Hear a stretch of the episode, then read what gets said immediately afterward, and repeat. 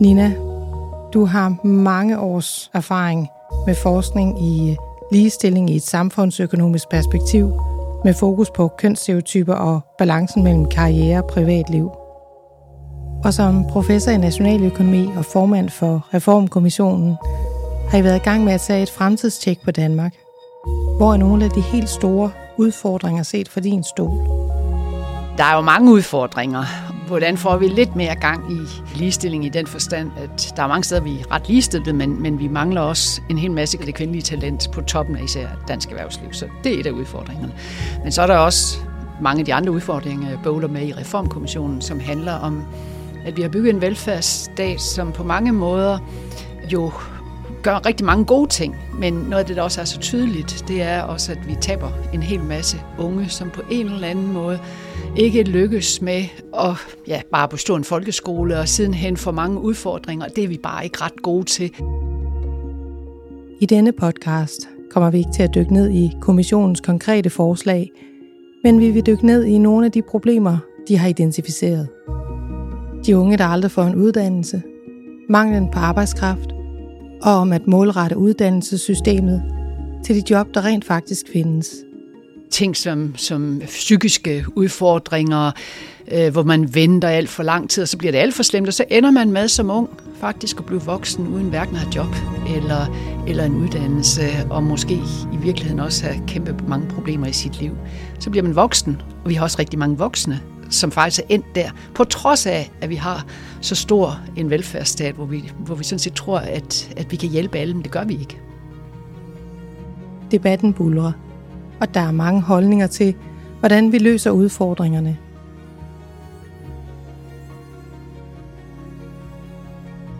Men det hænger også meget sammen med kønsobalancen i erhvervslivet.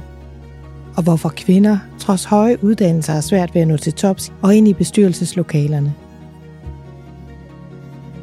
Vi skal tale om velfærdsstatens vrangside. For der er nogle revner i den ellers så polerede facade. Revner, der kan få det ellers så velfungerende system til at knække midt over, hvis der ikke reageres nu. Og det er lige præcis det, Nina Schmidt og hendes kolleger i Reformkommissionen i månedsvis har arbejdet på at komme med konkrete bud på at løse. Jeg hedder Nina Schmidt, og jeg er til daglig professor på Aarhus Universitet, og så er jeg lige for tiden mest i København, hvor jeg er formand for Reformkommissionen. Med udgangspunkt i Nina Smits årlange forskning omkring ligestilling i et samfundsøkonomisk perspektiv, har vi inviteret hende til en samtale om vigtigheden af, at der handles nu. DI underdirektør Mikkel Hårder for kompetencer og viden arbejder med politiske forslag, der netop handler om at få gjort op med det kønsstereotype uddannelsesvalg, men også om at få skabt rammerne for en skole, der understøtter flere talenter end blot de boglige. Mit navn er Mikkel Hårder. Jeg er underdirektør i Dansk Industri her, hvor vi er. Og øh, det, jeg har ansvaret for, det er uddannelse, forskning og mangfoldighed. Og øh, hvordan hænger det så sammen? Jo, øh, jeg synes egentlig, at nogle af de største udfordringer, vi har, ligger inden for, for det felt. Vi har nogle meget kønsstereotype uddannelsesvalg. Det gør blandt andet, at vi kun har en tredjedel kvinder i, i, i det private erhvervsliv. Vi trækker altså ikke på hele øh, talentmassen. Det er et problem. Øh, og, og, og som også øh, gør sig gældende modsat i den offentlige sektor, hvor, øh, hvor, som jo er domineret af kvinder. Det gør også, at øh, vi, vi forlænger nogle ret stereotype billeder af, hvad man kan og ikke kan. Og det synes jeg, vi skal prøve at, at udfordre. Det er der mange grunde til. Vi bliver klogere af at være øh, mere diverse i, i mange sammenhænge, også der, hvor der bliver taget beslutninger.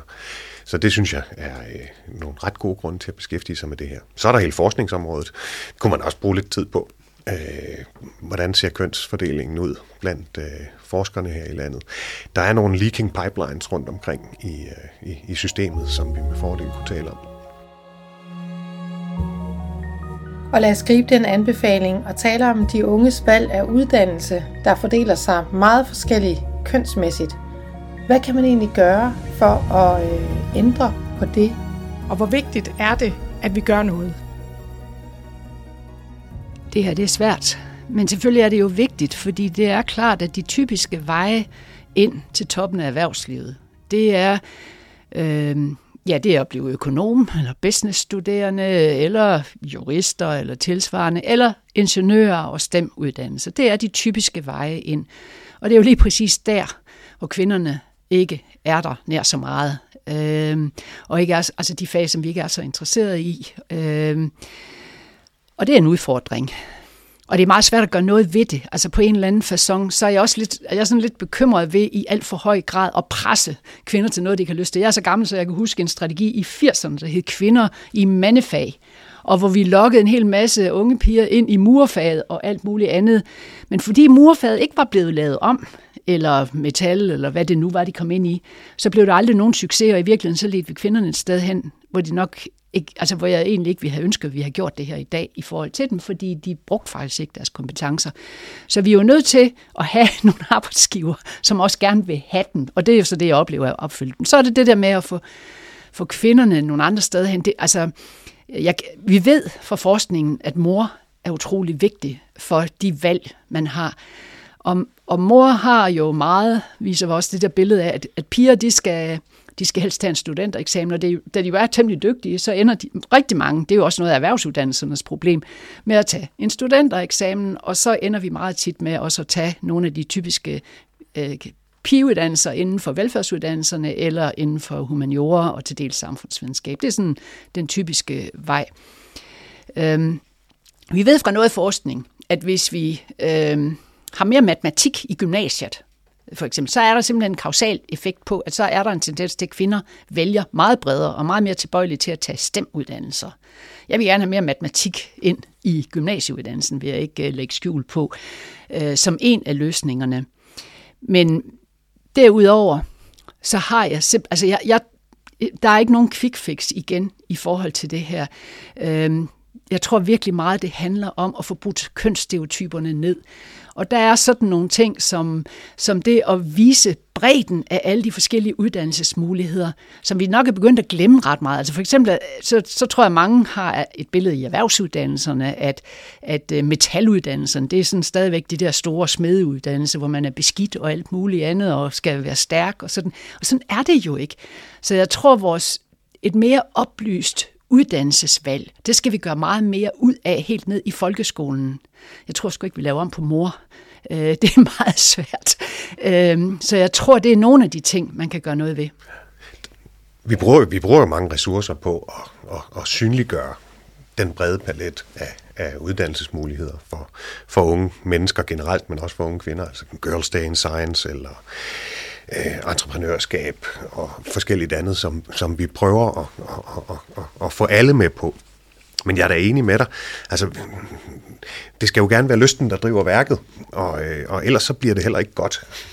Jeg tror faktisk, du er nødt til at have, at der skal være nogle folkeskolelærer også, som er ambassadører for noget af det her, og har en indsigt. Jeg tror, vi skal have det integreret meget dybere ned i folkeskolen, end vi gør i dag. Vi skal have alle ude i erhvervspraktik, det er en anden ting.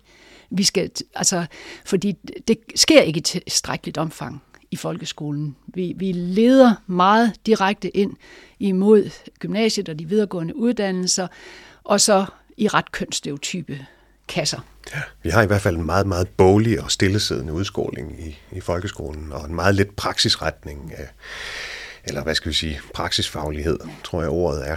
Altså noget, som handler om at, at, lade være, at gøre nogle andre ting end bare at, at, øh, at læse bøger og regne opgaver. Det skal man også. Der er ikke nogen modsætning til at, at have en praksisfaglighed, hvor man laver noget, hvor man har nogle produkter, og hvor man kommer ud af døren i nogle skolevirksomhedssamarbejder, eller hvad det nu kan være. Og hvor man regner matematik på nogle problemstillinger, som de unge, de kan se, at det faktisk er relevant og kan bruges til noget. Altså det er jo sådan nogle ting, det handler om. Der er jo noget af det her, der sådan leder utrolig meget over til dem, der så bliver tabt i uddannelsessystemet. Øh, der er 45.000 unge, der står uden uddannelse nu, øhm, og som jo så ikke enten har fundet en vej, eller, eller set, der kunne være en vej. Hvad, øhm, hvad kan vi gøre her? Jeg ved, det optager dig rigtig meget. Det er, vi, det er virkelig en af de tunge sten, som Reformkommissionen har øh, taget på sig. Vi vil prøve øh, at se, om ikke vi kan finde nogen af de ting, der gør. Det er ikke bare, at de unge ikke har en uddannelse som 25-årige. Det er faktisk, at de hverken har job eller uddannelse. Det er det, der er den store udfordring.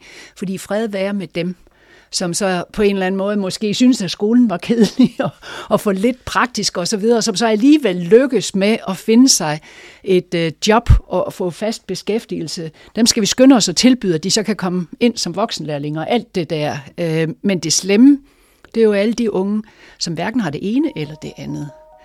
Og øh, det arbejder vi meget med i Reformkommissionen. Vi kommer med forslag til det her. Øh, og det er jo et problem, vi har bøvlet med. Jeg vil sige, at jeg har en stærk erkendelse af det, her. det er sindssygt svært. Øh, for det er det, og der er ikke én hurtig løsning.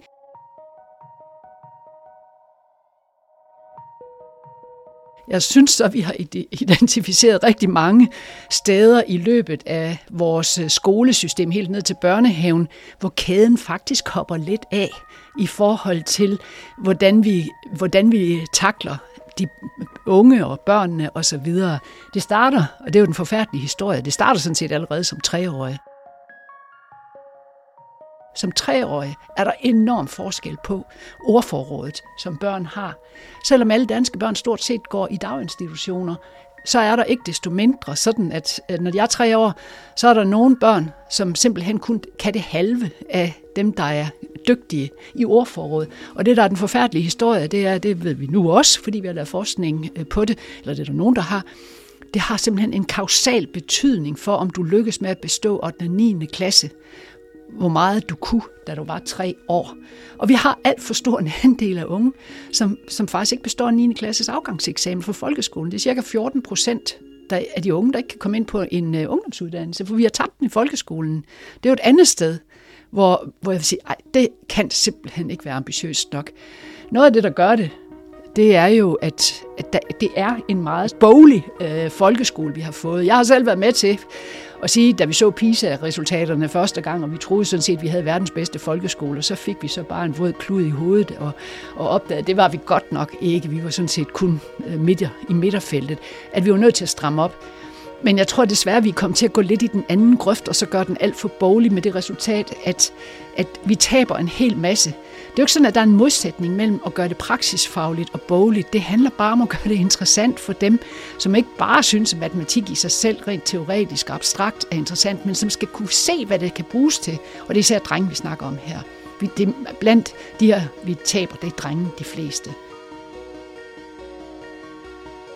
Og, og det betyder jo, at så kommer de heller ikke videre en ungdomsuddannelse, hvis de faktisk ikke har karaktererne til det. Og, og hvis man så fortsætter også i et ungdomsuddannelsessystem, som altså lugter meget af det, man havde nederlag på i folkeskolen, så mister man jo også lysten til nogle af de der ting. Og derfor, vi har, vi har så haft et system, kommunerne har skulle ligesom pådutte dem at få en uddannelse først. Det tror jeg simpelthen er forkert. Jeg tror, vi der, og det er der mange kommuner, der begynder at sige os, vi er nødt til at give dem et, starte med at hjælpe dem med at få et job, og få dem ud og få nogle succeser, og så hjælpe dem tilbage senere og få kompetencerne bygget på for dem, som har, altså, hvor det er problemet. Og så er der jo en anden gruppe, det er især pigerne, som, som oplever en stærkt voksende mistrivsel. Øhm, det er skræmmende at se tallene for, hvor mange, der begynder at få en psykiatrisk diagnose fra et hospital. Øhm, det er vokset meget, meget kraftigt herop igennem nullerne og tierne. Øh, og, og det er jo en ret stor andel af en ungdomsårgang. Nu kan jeg ikke lige huske tallet, jeg tror, det er noget med 13-14 procent nu, som vi begynder at være op på, der, der får en psykiatrisk diagnose. Og for at sige det lige ud, der gør vi det ikke godt nok med vores PPR i folkeskolen, altså det, der skulle tage sig af børn, der har udfordringer. Og hvis man har det og mistrives, og man så får at vide, at der er 14 måneders ventetid, øh, så kan man jo godt forstå, at det går galt rigtig ofte. Og fordi vi kommer for sent på problemerne, så bliver det faktisk rigtig slemt, og der kommer alle mulige mere alvorlige sygdomme til. Og så ender man i den her kategori som 25-årig, som ikke fik sig en uddannelse, hvor man havde så meget at slås med øh, igen. Alle de her ting er jo ting, hvor jeg vil sige, der er igen et stort potentiale for forbedring. Det er klart, der er nogen, hvor man vil sige, at der er jo handicappede og unge, som vi selvfølgelig ikke øh, kan forvente skal komme ud med en uddannelse, og, og de, de skal have en anden ydelse for vores velfærdssamfund. Men der er en ret stor gruppe her, der burde vi simpelthen kunne få meget bedre resultater. Øh, det tror jeg også, vi kan. Øh, vi skal bare gøre noget andet. Jamen, og for at give et eksempel på, hvad vi kan gøre, altså det er noget, der har chokeret mig meget, det var min tidligere arbejdsplads, Danmarks Evalueringsinstitut, lavede en analyse af kvaliteten af det, der foregår i vores dagtilbud. Og du siger jo det her med, at man i treårsalderen allerede kan se, at der er kæmpe store forskelle på ordforråd og så videre. Vi kan også se, at hvis øh, man kigger på det pædagogiske læringsmiljø i, et dagtilbud, så er der en femtedel af vores dagtilbud, cirka, som har en positiv effekt øh, på børnenes muligheder længere frem. Det er socioemotionelle kompetencer og også deres øh, antallet af ord, de kan, og øh, ja, sådan noget på det mere faglige. Og der skal vi jo simpelthen have taget skeen i den anden hånd. Det er for dårligt. Der er endda også en gruppe, det er heldigvis kun 6% af vores dagtilbud, der er decideret skadelige for børn. Når, når vi kigger på det, dem skal vi selvfølgelig også have gjort noget ved. Så der er noget, man kan gøre. Og nu har vi lavet minimumsnormeringer på dagtilbudsområdet. Og der, kom, der kommer jo sådan ressourcer i den retning, og så skal vi altså også til at interessere os for, hvad der kommer ud af det. Jeg er fuldstændig enig. Det er jo ikke sådan, at vi skal måle en hel masse på børn, og slet ikke rangordne og alle de der ting. Men det handler jo om at have en... Og, og vi har jo mange og dygtige pædagoger og alt det der, men, men, men jeg tror simpelthen også, at vi skal støtte den faglige udvikling blandt pædagoger, øh, til at vi bliver bedre til mange af de her ting. Øh, for det kan godt være anderledes. Og som du siger, der er jo nogen, der sådan set lykkes ret godt med det, og, og det er vi nødt til øh, at gøre. Noget af det, jeg bare kom til at tænke på, når I står og snakker, det er jo også det her, hvordan man lykkes som menneske og, og komme ud af folkeskolen og skal videre, hvor man jo egentlig bliver sluppet fra en meget, meget sådan tryg øh, plan, hvor man ved, alt er, er, er ligesom lagt ud for en, så skal man, står man jo lige pludselig der og skal, skal foretage sig et uddannelsesvalg. Det virker som om, at der er mange øh, stadier af børns liv, den. som du siger, man skal sætte ind, ja. og også i det springbræt der, hvor man skal ud og faktisk stå på egne ben. Altså, vi er nødt til at få lavet et uddannelsessystem, hvor, hvor når de går ud af 9. klasse, eller 10. hvad det nu er, at, øh, at, at så er der nogle flere, der kan komme ind på ungdomsuddannelse. Så har vi et FGU-system i dag. Vi har jo sådan set bygget mange af klodserne, men, men de, der skal man kunne komme ind og få de kompetencer løftet op, så har vi, øh, som gør, at man så kan komme ind på, altså få samlet kompetencerne op, så man kan komme ind på, på for eksempel en erhvervsuddannelse eller, eller et øh, gymnasium, hvis det er det, man vil. Men, men så har vi også, altså det er jo sådan set det, der er så typisk, vi har faktisk, vi har vidst det her i mange år. For fem år siden, tror jeg det er, der lavede man det, der hed KUI, den kommunale ungeindsats. Der stod vi og snakkede på præcis samme måde, som øh, Mikkel og jeg, vi står og snakker nu om det her problem. Øhm, og politikerne var godt klar over det. Problemet er bare, at nu skulle kommunerne tage hver enkelt ung og lave en ungeindsats for hver enkelt ung. Vi har bare aldrig fået det implementeret øh, i langt de fleste kommuner, så det i virkeligheden samler dem op. Der er alt for mange øh, i en kommune, som man sådan set er øh, afhængig af. Altså en, en ung kan have mange forskellige til de forskellige forvaltninger, og det er meget, meget uoverskueligt. Mange steder er der ikke bare én, som tager hånden om hver enkelt ung. Det fungerer ikke. Det implementeres ikke, og det skal vi have til at lykkes noget bedre. Der, hvor de, altså, hvor de virkelig får en kommunal ungeindsats til at fungere, der lykkes det også med at samle alle unge op. Så det er jo ikke umuligt opgaven. Men kommunerne er her ikke alt for gode til ligesom at, at få lavet den der helhedsorienterede indsats, som er nødvendig. Der er dem, der har forældre, hvad enten de så er duelige eller ej, som forældre kan hjælpe. Men den aller værste gruppe her, det er, at der er cirka 50.000 unge, som er, har været anbragte i løbet af deres barndom, som, som jo er anbragt, fordi de har nogle forældre, som ikke kan hjælpe deres børn ret meget. Det er jo derfor, vi har anbragt dem. Hvis vi kigger på den gruppe, og det er en ret stor gruppe, ud af de der 45.000, øh, som når de bliver 18 år, så har de faktisk ikke rigtig noget. Øhm, det er kun 30 procent af de anbragte børn, der får sådan en folkeskoleeksamen. Det er 30 procent. Det er 30 procent af dem, der får en uddannelse bagefter. Og det her er jo børn, som der typisk ikke har fejlet noget, som er almindeligt begavet osv. Det var bare, de var lidt uheldige med deres forældre, der fra fødslen af, for en dels vedkommende, og derfor blev de anbragte. Det er jo simpelthen heller ikke. Altså, der har vi også tabt, øh, der, der har vi tabt noget af vores indsats, som vi skal blive meget bedre til vi er jo meget enige. Og, og, altså noget af det, som jeg synes, man også kan tænke over, det er jo, jo, kommunerne skal have styr på det her, men der, de skal jo også kunne trække på de ressourcer, der er. Og det er nogle af dem rigtig gode til. Øh, jeg tror, du plejer at fremhæve Jørgen, øh, hvor man også kan trække på øh, den på ja, virksomhederne og øh, den frivillige sektor osv., hvor man, hvor man får bygget nogle ting sammen, og det skal vi blive meget bedre til. Der er der også en stor villighed i dansk øh, erhvervsliv til, tænker jeg, at, at, at medvirke til. Også her tror jeg faktisk, der er et meget åbent vindue, fordi alle har jo en interesse, vi lykkes meget bedre. Det betyder også noget for det skattetryk, vi vil få i fremtiden, hvis ikke vi bliver bedre til at i virkeligheden hjælpe den offentlige sektor til at håndtere nogle af de her problemer. For sagen er jo, at virksomhederne kan tilbyde fritidsjob og småjobs og alle de her ting, som er ret vigtige for nogle af de mennesker, vi taber øh, som skal ud i rigtige fællesskaber på rigtige arbejdspladser.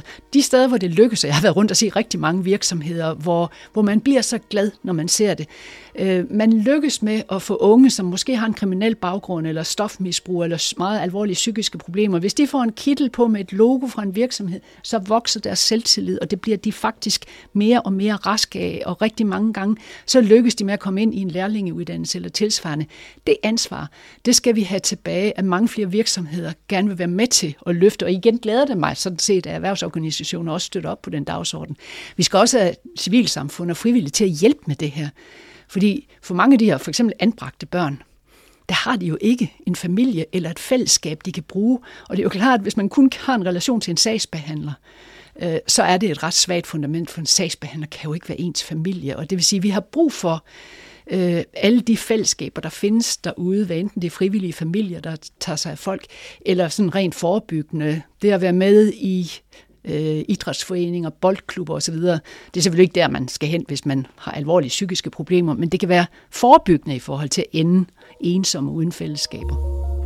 At jeg tror, der er ved at være en bevidsthed om, at mange af de problemer, vi har, de kan ikke løses af det offentlige.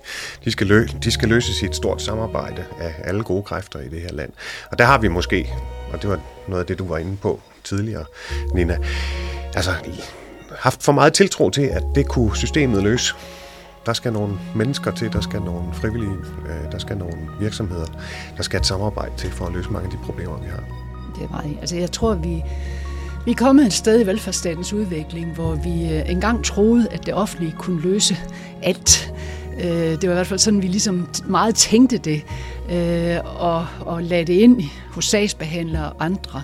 Jeg tror, vi må erkende, at især de mennesker, der får komplekse problemer, unge som voksne, øh, som ikke bare mangler et job, men måske har psykiske problemer, alkoholproblemer eller alle mulige andre ting, øh, der er det sindssygt svært for, en, for det kommunen eller det offentlige at løse det, uden at man også får et meget, meget bedre og systematisk samarbejde med virksomheder. Altså det er faktisk ret godt at komme ud i rigtige arbejdsfællesskaber blandt øh, andre kolleger, for det er det, der kan holde en oppe, eller at være med, altså det er helt fra børn af, og få den med ind i fritidsjob. Det ved vi simpelthen, at det er faktisk rigtig, rigtig sundt at få unge fra udsatte familier i fritidsjob, fordi det giver dem en hel masse, det vi kalder non-cognitive skills, altså ting, der ikke handler om faglighed, men bare hvordan man begår sig og og, og i øvrigt også, øh, altså, øh, at man får sådan selvværd og den slags ting, fordi man kan løse noget.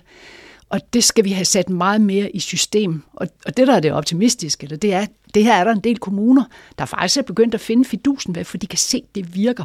Så der er et stort potentiale, også hvis man bare sådan kunne lære noget mere af hinanden ud i det her land, og prøve hver især at finde, altså man skal jo ikke have Jørgen-modellen øh, i en anden kommune, det har jeg lært, at det vil man ikke have. Øh, men at hver kommune meget mere systematisk tager sådan nogle ting op øh, og arbejder med og bruger det, øh, det tror jeg, at der er rigtig meget mening i.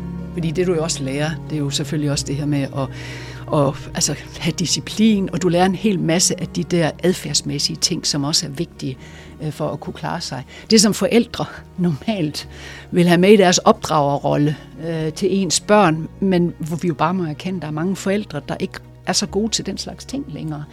Øhm, det er noget, der er rigtig udbredt for indvandrerbørn, fordi forældrene jo selv måske mister status, fordi de kan ikke sproget, og de kan ikke opdrage deres børn, fordi de, øh, og, og, og ved heller ikke normerne for det her samfund osv., men, men også hvis far og mor er skilt eller drikker eller alt muligt andet, så er det jo, så er det jo, så er det jo nogle andre, der er nødt til at lære det. Denne podcast er produceret af Dansk Industri i 2023 i forbindelse med diversitetsindsatsen The Gender Diversity Pledge. Mit navn er Mika Fuglede. Tak fordi du lyttede med. Og hvis du har lyst til at vide mere om indsatsen, så gå ind på danskindustri.dk. GDP Sign Up